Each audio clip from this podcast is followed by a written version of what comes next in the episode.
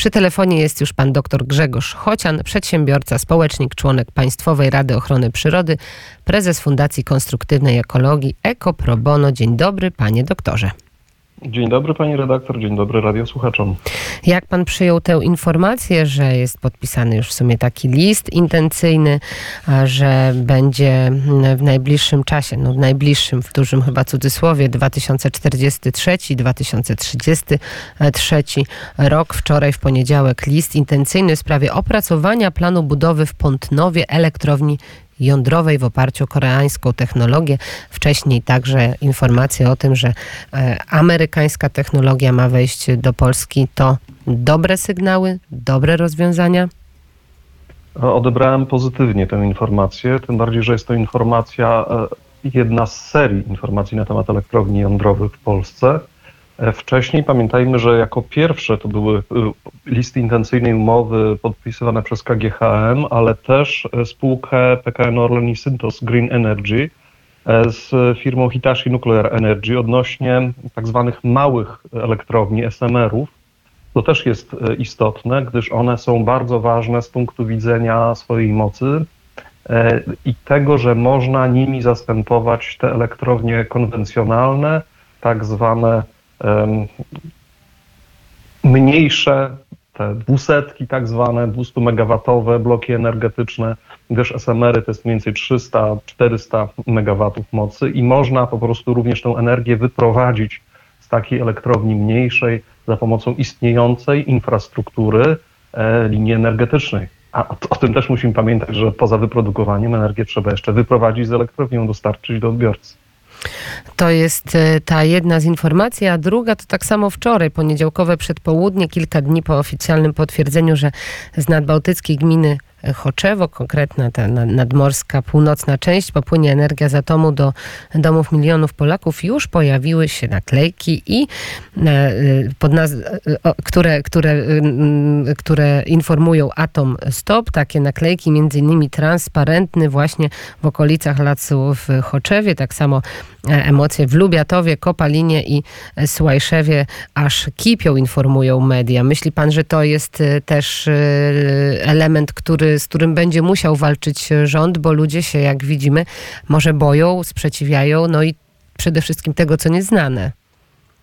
E, zajmuję się wręcz zawodowo zjawiskiem tak zwanego ekoterroryzmu, czyli takim blokowaniem inwestycji na zlecenie i jestem przekonany, że nawet jeśli są obiektywne jakieś obawy mieszkańców, to tego typu zorganizowana akcja, o której Pani powiedziała, jest akcją dobrze organizowaną, dobrze finansowaną i prawdopodobnie sponsorowaną.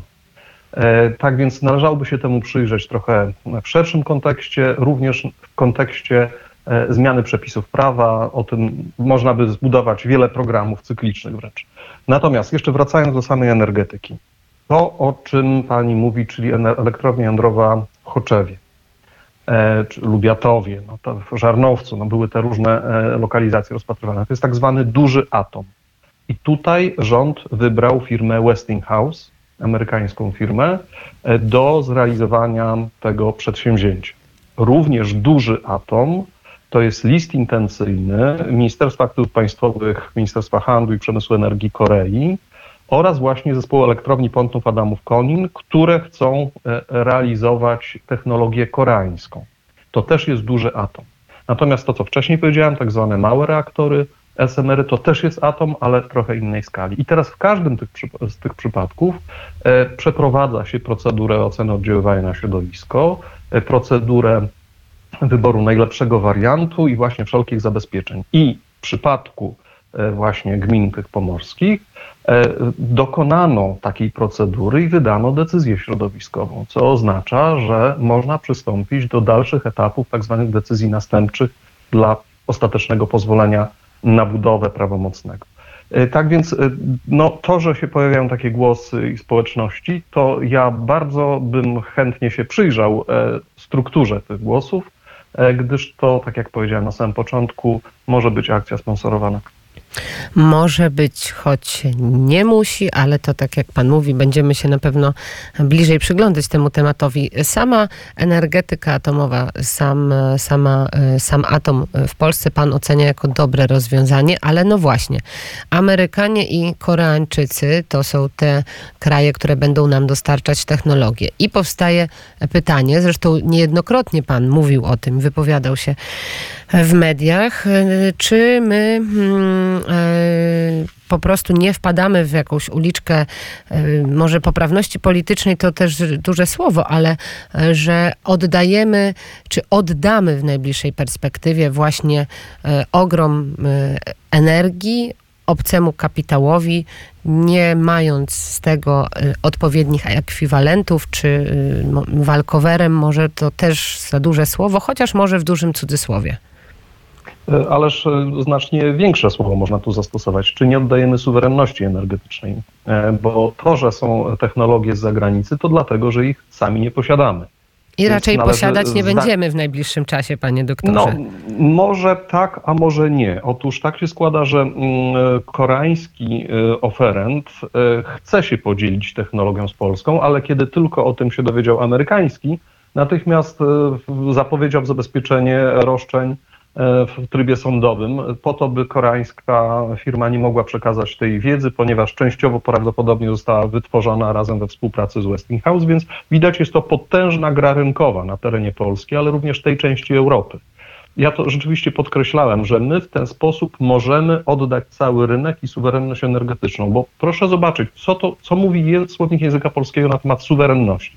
Otóż jest to niezależność od innego państwa, władzy czy instytucji, w, w przypadku decyzji coś, co nie jest narzucane przez nikogo i mający władzę zwierzchnią tu, w Polsce, a nie na zewnątrz. A co się dzieje, jeśli chodzi o energetykę w Polsce? Otóż my już jakiś czas temu przekazaliśmy część suwerenności energetycznej i prawo do decydowania o tym, w jaki sposób będziemy energię wytwarzać, Komisji Europejskiej. Przy czym Komisja Europejska, co cały czas podkreślam i będę zawsze to podkreślał, między rokiem 2013 a 2014 nie dochowała należytej staranności w przeprowadzeniu strategicznej oceny oddziaływania na środowisko tzw. Tak ram polityki klimatyczno-energetycznej do roku 2030, czyli oddano bezkrytycznie zarządzanie i skupiono się na tym, że tylko gaz będzie promowany, głównie gaz, a węgiel ma być wyrzucony z Europy.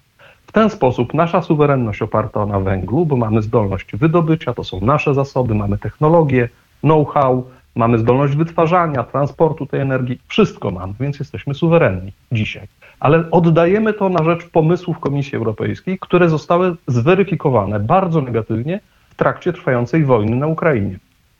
Co to oznacza? To oznacza, że już straciliśmy częściowo tę suwerenność, bo pomimo pomimo naszych interesów, w imię celów klimatycznych, bezkrytycznie też nagłaśnianych przez jakieś Grety Thunberg czy redaktorów, lobbystów energetyki innej, jak pan Jakub Wiech na przykład, oddajemy to, a następnie mówimy, no dobrze, teraz trzeba szybko ratować klimat, no ale skoro brakuje nam węgla, co słyszymy w tej chwili i widzimy, skoro brakuje nam możliwości wytwarzania energii z węgla, to jak najszybciej na każdych warunkach przystajmy na energetykę jądrową. I podkreślam tutaj to słowo na każdych warunkach. Otóż nie, tak nie powinniśmy No właśnie, i teraz pytanie, które automatycznie się nasuwa, panie doktorze, to jak powinien działać polski rząd? Jakie działania powinien wdrożyć? Jakie obostrzenia przy, przy nawiązywaniu czy przy podpisywaniu tych umów? Jak powinniśmy się zabezpieczyć? Wziąć technologię i tyle? No właśnie, znaczy ja widzę pozytywne działania, chociażby pan Piotr Naimski do niedawna, no trochę szkoda, że do niedawna, pełnomocnik rządu do spraw strategicznej infrastruktury energetycznej mówił, że suwerenność energetyczna to podstawa naszego bezpieczeństwa, a kto te, ją kwestionuje, działa przeciwko Polsce. To było bardzo pozytywne zdanie. I to powodowało, że graliśmy na kilku graczy, czyli właśnie w Korei, w Ameryce, ale też na przykład przecież koncern Hitachi Nuclear Energy to jest amerykańsko-japoński, to jest pewien konglomerat taki.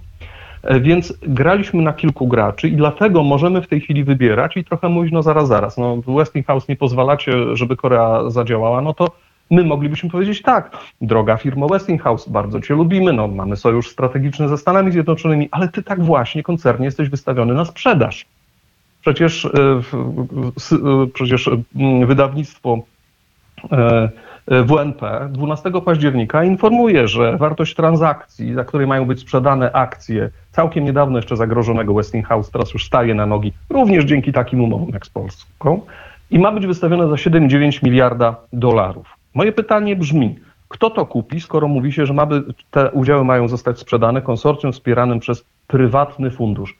Jaki to jest fundusz? Czy to jest fundusz, który jest dla Polski życzliwy, czy być może z drugiej strony? Chciałbym to wiedzieć, zanim Polska Czyli, ostatecznie czyli, czyli, odda się. czyli firma, o której pan mówi, Westinghouse, jest y, firmą dosyć niepewną, y, z niepewną pozycją na rynku energetycznym i w ogóle na, na rynku ekonomicznym. Jeszcze 4 lata temu był bardzo niepewny. W tej chwili ma trochę mocniejszą pozycję. Natomiast nadal, skoro akcje, udziały są wystawione na sprzedaż, to pytanie, kto to kupi, kto za chwilę będzie suwerennym Mhm. dostawcą, a my będziemy od niego zależni, czyli niesuwerenni, a jeszcze nie wiemy od kogo będziemy zależni. Dlatego uważam, że tutaj rząd i, i wywiad gospodarczy musi robić wszystko, co tylko w naszej mocy, aby te rzeczy rozeznać. Pewnie już ta wiedza jest, no ale, ale trzeba to dbać. Z drugiej strony musimy stawiać na to, żeby wraz z wprowadzeniem nowych technologii, bo generalnie, żeby to podkreślić, ja jestem za rozwojem energetyki jądrowej w Polsce bo to są nowe technologie, to, jest, to są nowe miejsca pracy, to jest tania i stabilna energia, również taka, która może stabilizować odnawialne źródła energii e, wszelkie. Przy czym właśnie wraz z przeniesieniem do Polski łańcuchów dostaw, know-how, żebyśmy nie byli uzależnieni od zewnętrznego dostawcy, tylko sami współtworzyli. I właśnie SMR-y na przykład mają być współtworzone i komercjalizowane na terenie Polski. Z drugiej strony z Koreańczykami chcemy dogadywać się tak, żeby oni przenieśli część know-how. No i tutaj znowu Westinghouse coś blokuje. Nie podoba mi się to i uważam, że tego typu postawy nie powinny być premiowane. Co mogłaby jeszcze Polska zrobić? No przecież dzisiaj mieliśmy konferencję prasową pana Obajtka i informację, że e, KRS zatwierdził e, fuzję, potężną fu- fuzję dla koncernu multienergetycznego, czyli Unipetrolu, Energii, Lotosu, PGNiG. To był ten ostatni składowy. No i teraz mamy wielki koncern, który ma 400 miliardów złotych obrotu rocznego i co roku, w tym roku 15 miliardów wydaje na inwestycje, a w przyszłym ponad 20 miliardów złotych. No to ja mam pytanie, to może ten koncern by wykupił udział Westinghouse i wtedy ja mówię brawo. Okej, kupujemy technologię, mamy tę technologię, stawiamy duży atom amerykański, ale jednocześnie częściowo jesteśmy udziałowcami tej firmy i mamy prawo głosu w tej firmie. Tak bym zrobił.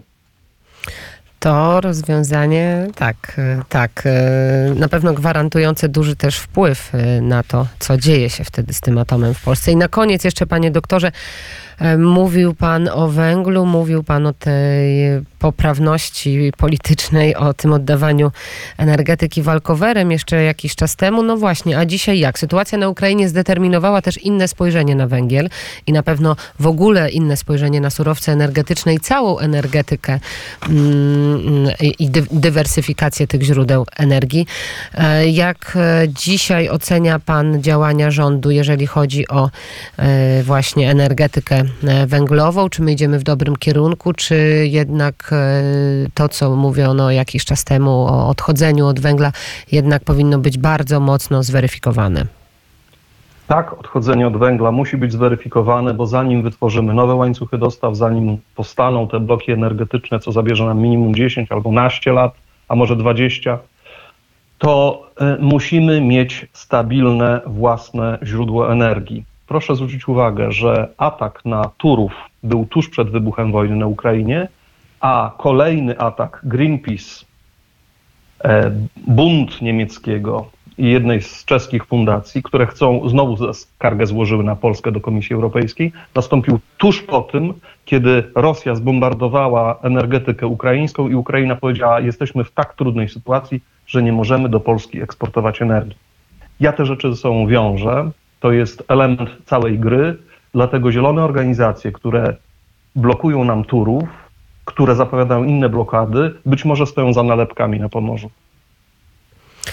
I tutaj stawiamy kropkę. Bardzo dziękuję. Pan dr Grzegorz Chocian, przedsiębiorca, członek Państwowej Rady Ochrony Przyrody, a także prezes Fundacji Konstruktywnej Ekologii jako pro bono, był gościem Kuriera w Samopołudnie. Dziękuję za rozmowę i pozdrawiam serdecznie. Dziękuję bardzo. Do usłyszenia.